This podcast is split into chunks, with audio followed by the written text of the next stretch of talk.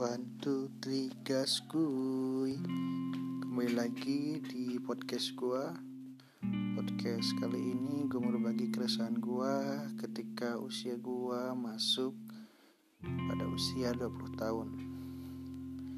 Kalian pernah ngerasa gak sih Ketika usia kalian masuk ke umur 20 tahun Kalian melihat satu persatu teman Kalian sudah memiliki karir yang mapan ada juga yang mewujudkan kuliah luar negeri dengan prospek masa depan yang cerah. Ada juga yang udah punya bisnis dengan cabang di mana-mana dan pendapatan yang bisa dibilang lumayan.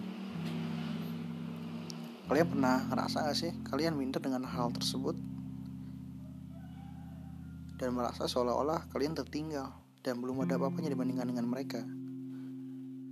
Tapi yang harus kita ingat adalah setiap orang punya waktunya masing-masing. Setiap orang punya jalan hidup yang berbeda dan gak sama. Dalam hidup kita harus memegang prinsip orang berjalan. Kita nggak bisa melihat ke atas terus secara terus-menerus.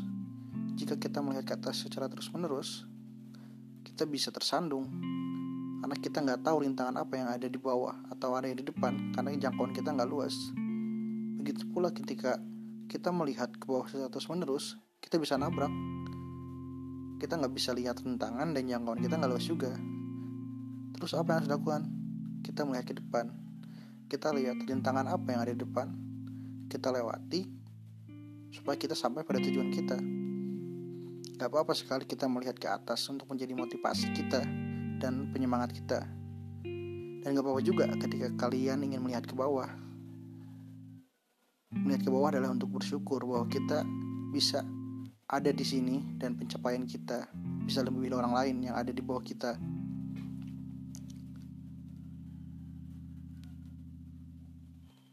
Tugas kita saat ini adalah menjadi yang terbaik menurut versi kita sendiri, bukan versi orang lain. Kita nggak bisa memenuhi ekspektasi semua orang